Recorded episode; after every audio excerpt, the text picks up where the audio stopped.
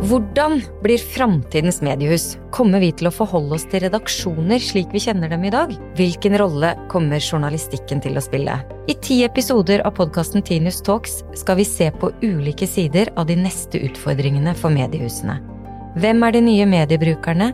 Hvordan vil mediene gjøre hverdagen vår bedre, og hva vil de bety i samfunnet? Og jeg som snakker, heter Kjersti Løken Stavrum og er daglig leder i stiftelsen Tinius.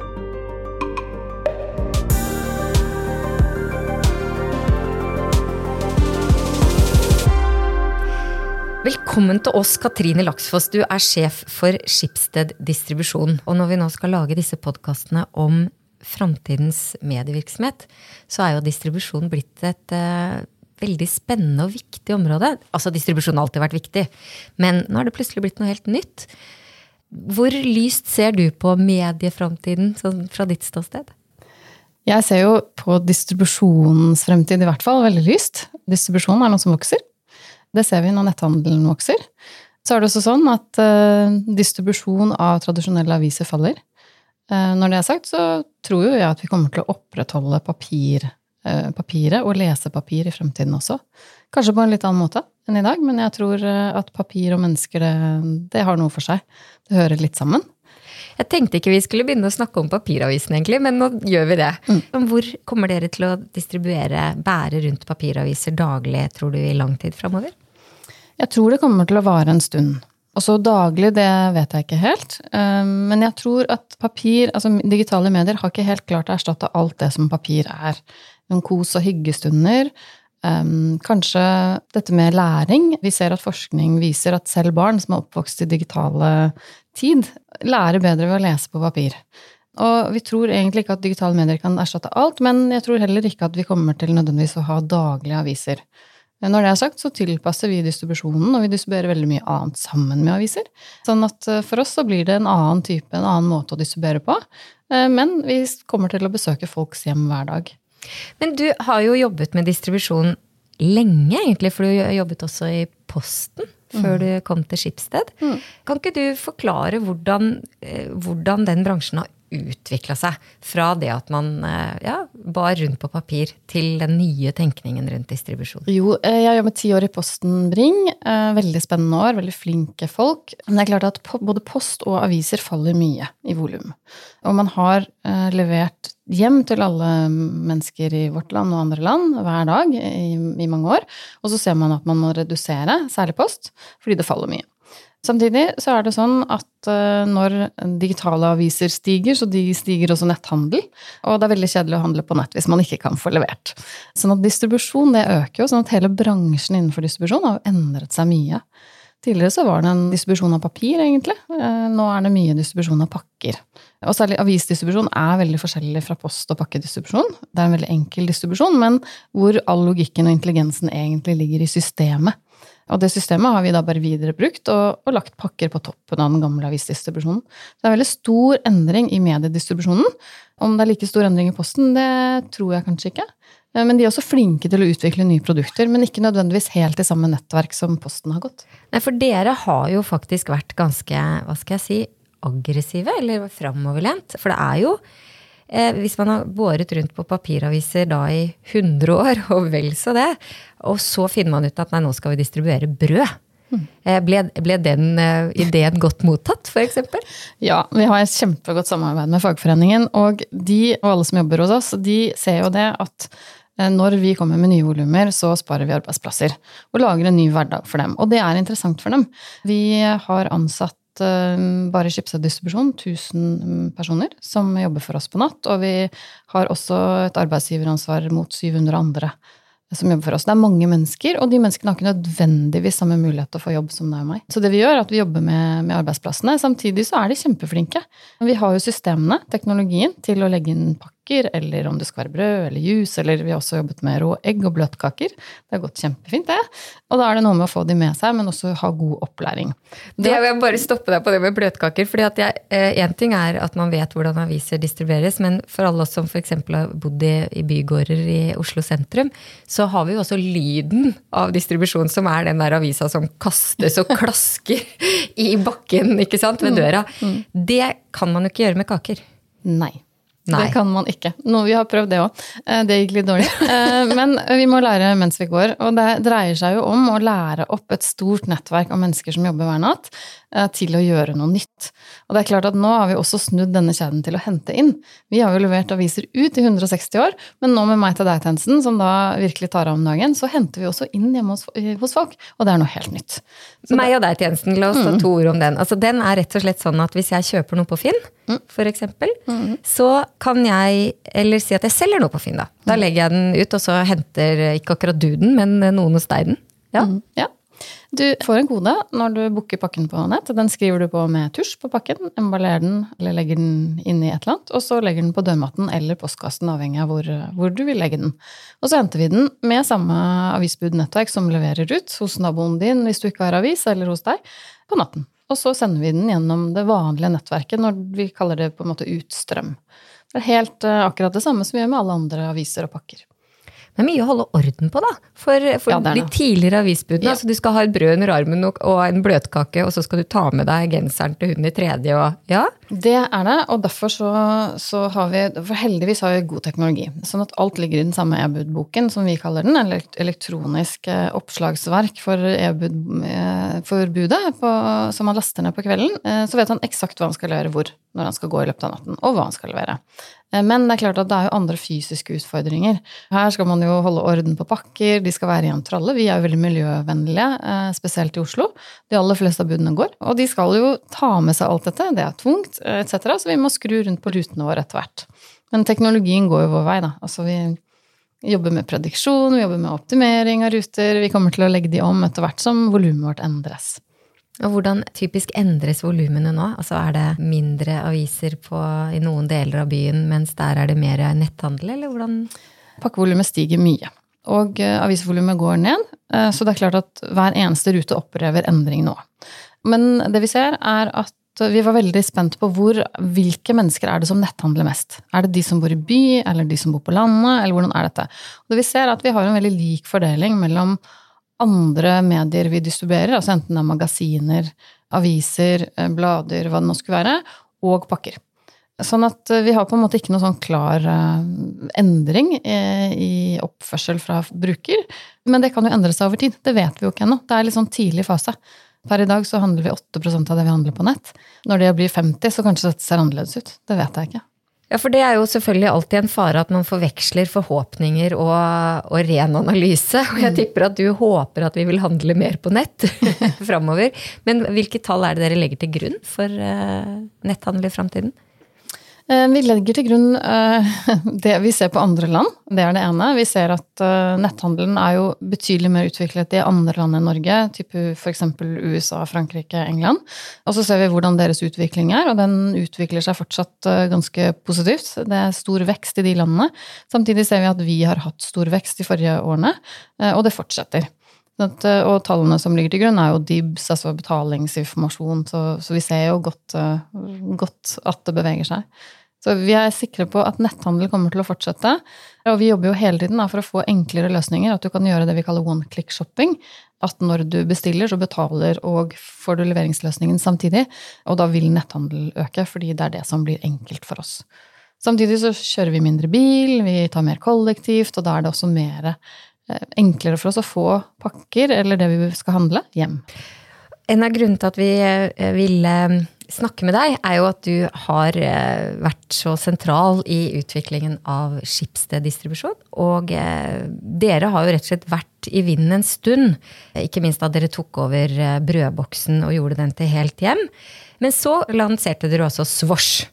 Hva er det i forhold til fra meg til deg? Eh, Meg til deg er en tjeneste hvor mellom to privatpersoner som handler eh, med hverandre på nett, gjerne Finn, Tice, Repairable eller hvor det nå skal være, hvor man kan få sendt varen seg imellom uten at man må gå et sted for å levere den, eller gå et sted for å hente den.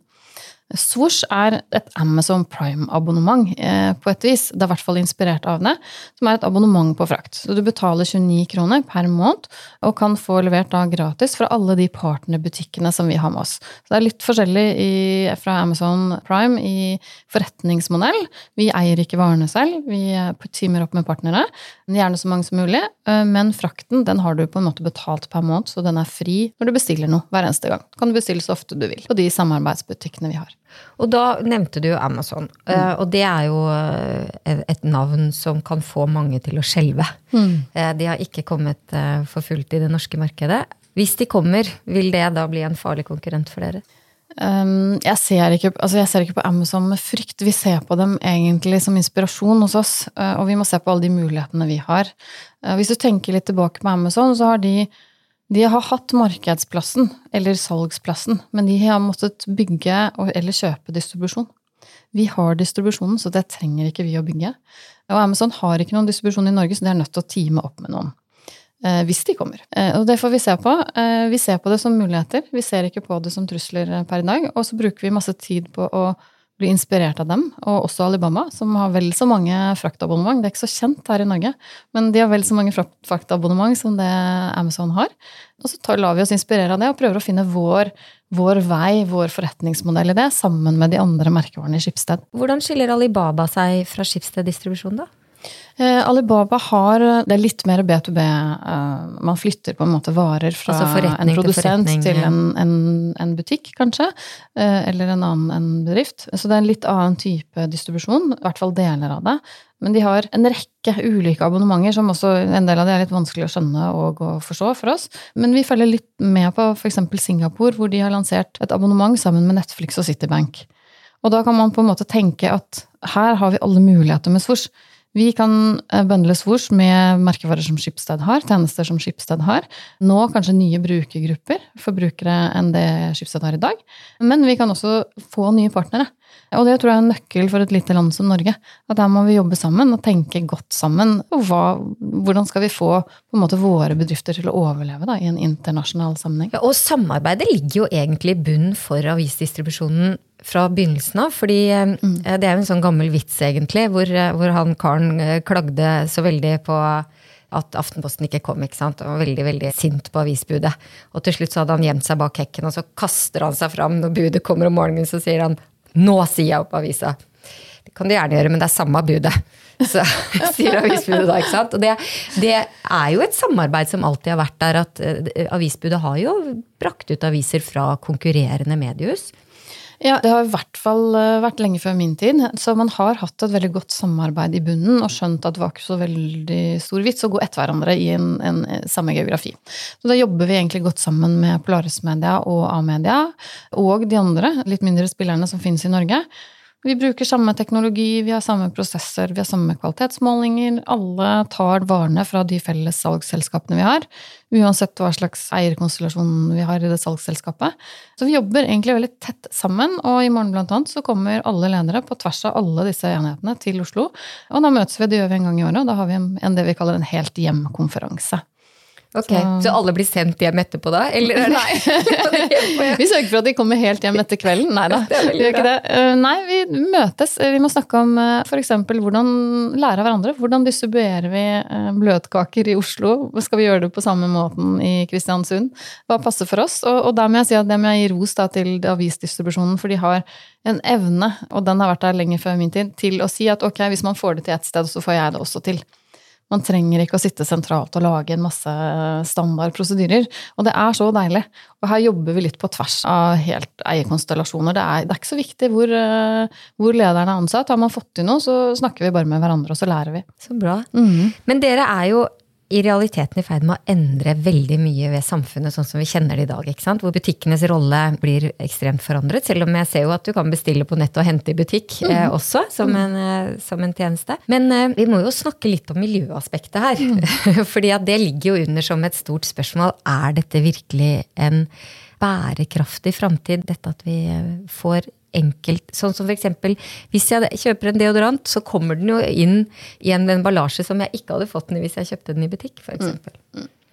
Og her er det masse, masse å se på innenfor logistikk, ikke bare hos oss, men totalt sett som bransje. Og så så jeg jeg var på Tekstilaksjonen, for vi jobber en god del med sirkulærøkonomi og ser på hva kan vi gjøre der. Vi har jo laget en plattform som egner seg strålende for sirkulærøkonomi. Og det jeg så, var at eh, av alt på en måte et fotavtrykk til et plagg, så er 11 av det er at du kjører til et eller annet sted og henter det, kjøper det plagget. Eh, og det er ganske mange prosent. Så det er den prosentandelen vi kan påvirke mest. Og da er det jo om å gjøre å samle mest mulig på samme rute, akkurat som det er på kollektivtrafikk. Det er jo som en buss, det er om å gjøre å få fylt den opp mest mulig. Det samme med tog. Og det må vi sørge for, og vi ser jo nå på vårt fotavtrykk, jobber med mange planer på å få ned vårt fotavtrykk, selvfølgelig.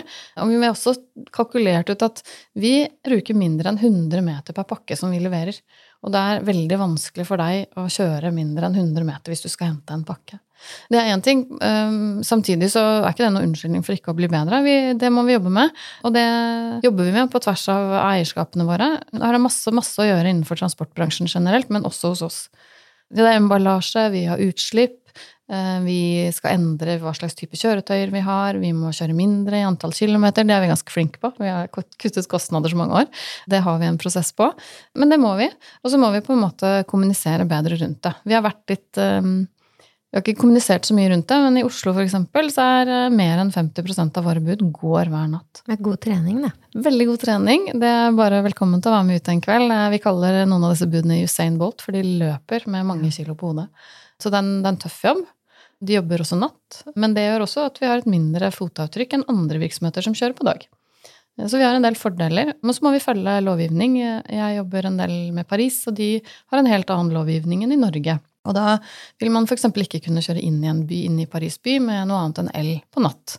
Og det er pga. støy, som er på en måte en annen variabel vi ikke har begynt å snakke om i Norge ennå. Det er interessant, her, egentlig. Veldig interessant. Mange byer med veldig mange ulike lovgivninger. Og så vet vi ikke helt hvor veien går i Norge, men jeg ser jo at Oslo setter seg på kartet. Vi er med på det, vi også. Og syns at det er da veldig, veldig spennende. Da tenker du Oslo som miljøhovedstad? Ja, Oslo som miljøhovedstad setter seg virkelig på kartet og, og, tar grep og gjør ting. Og så vet vi ikke helt hva som blir lov og ikke, men vi skal definitivt være med på, på det som gjøres. Du nevnte helt i begynnelsen at de som jobber i skippsteddistribusjon, de er kanskje ikke alle de har like lett for å få jobb andre steder. Og jeg vet det fins et gammelt bilde hvor Aftenposten hadde samlet avisbudene sine på begynnelsen av 1900-tallet, og det var jo da mange mødre. Eh, mm. Type enslige mødre, tror jeg. Mm. I hvert fall så, så, var det åpenbart den gang også. Det å være avisbud var et, eh, var et jobbtilbud for de som kanskje hadde vanskeligere mm. for å komme seg inn på arbeidsmarkedet.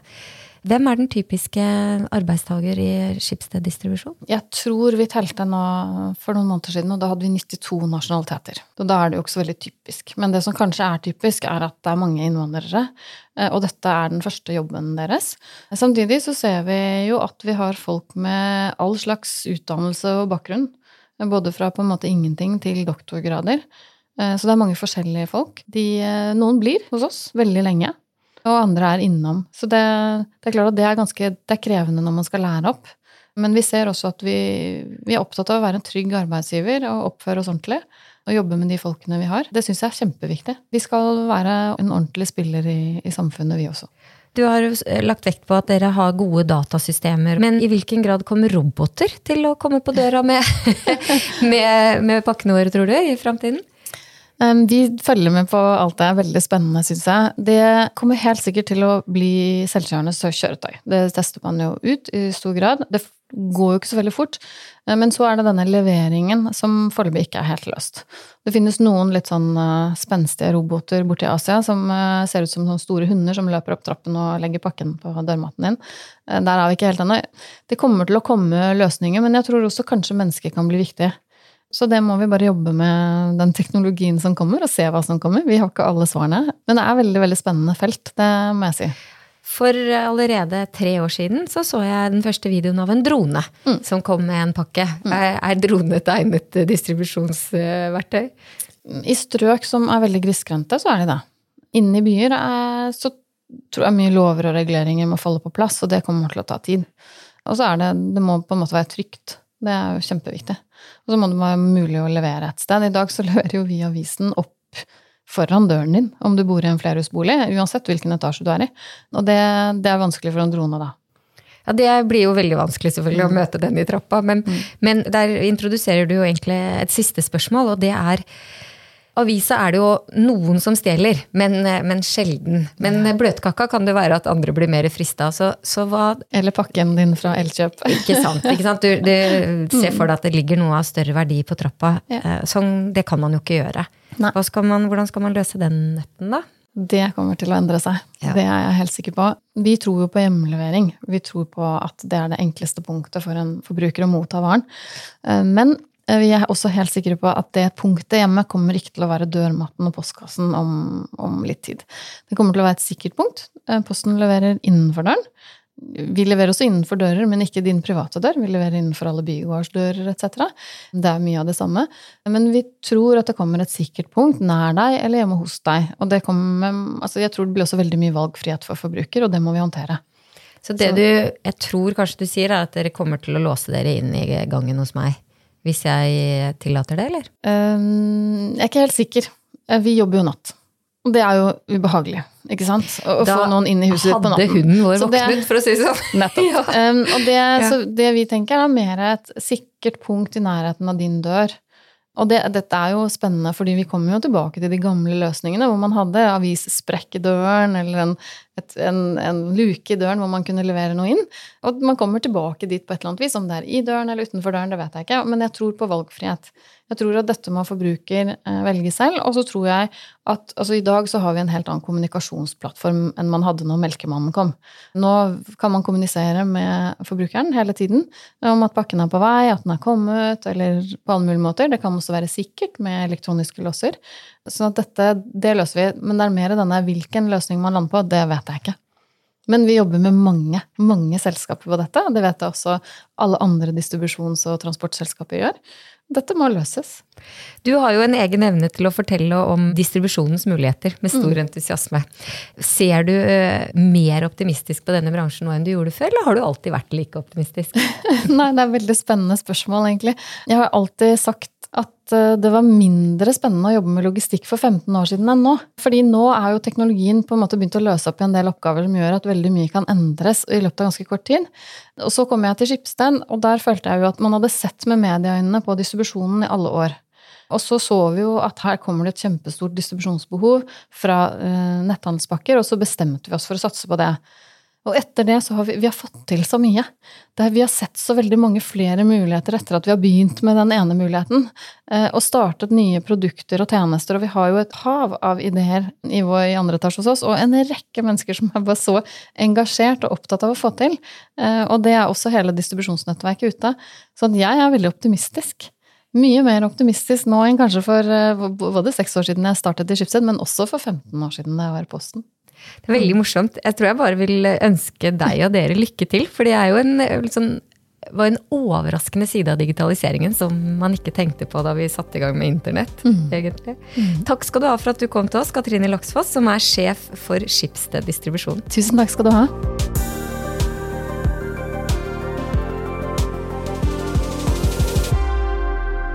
Denne podkasten er produsert av Hansine Korslien for Stiftelsen Tinius.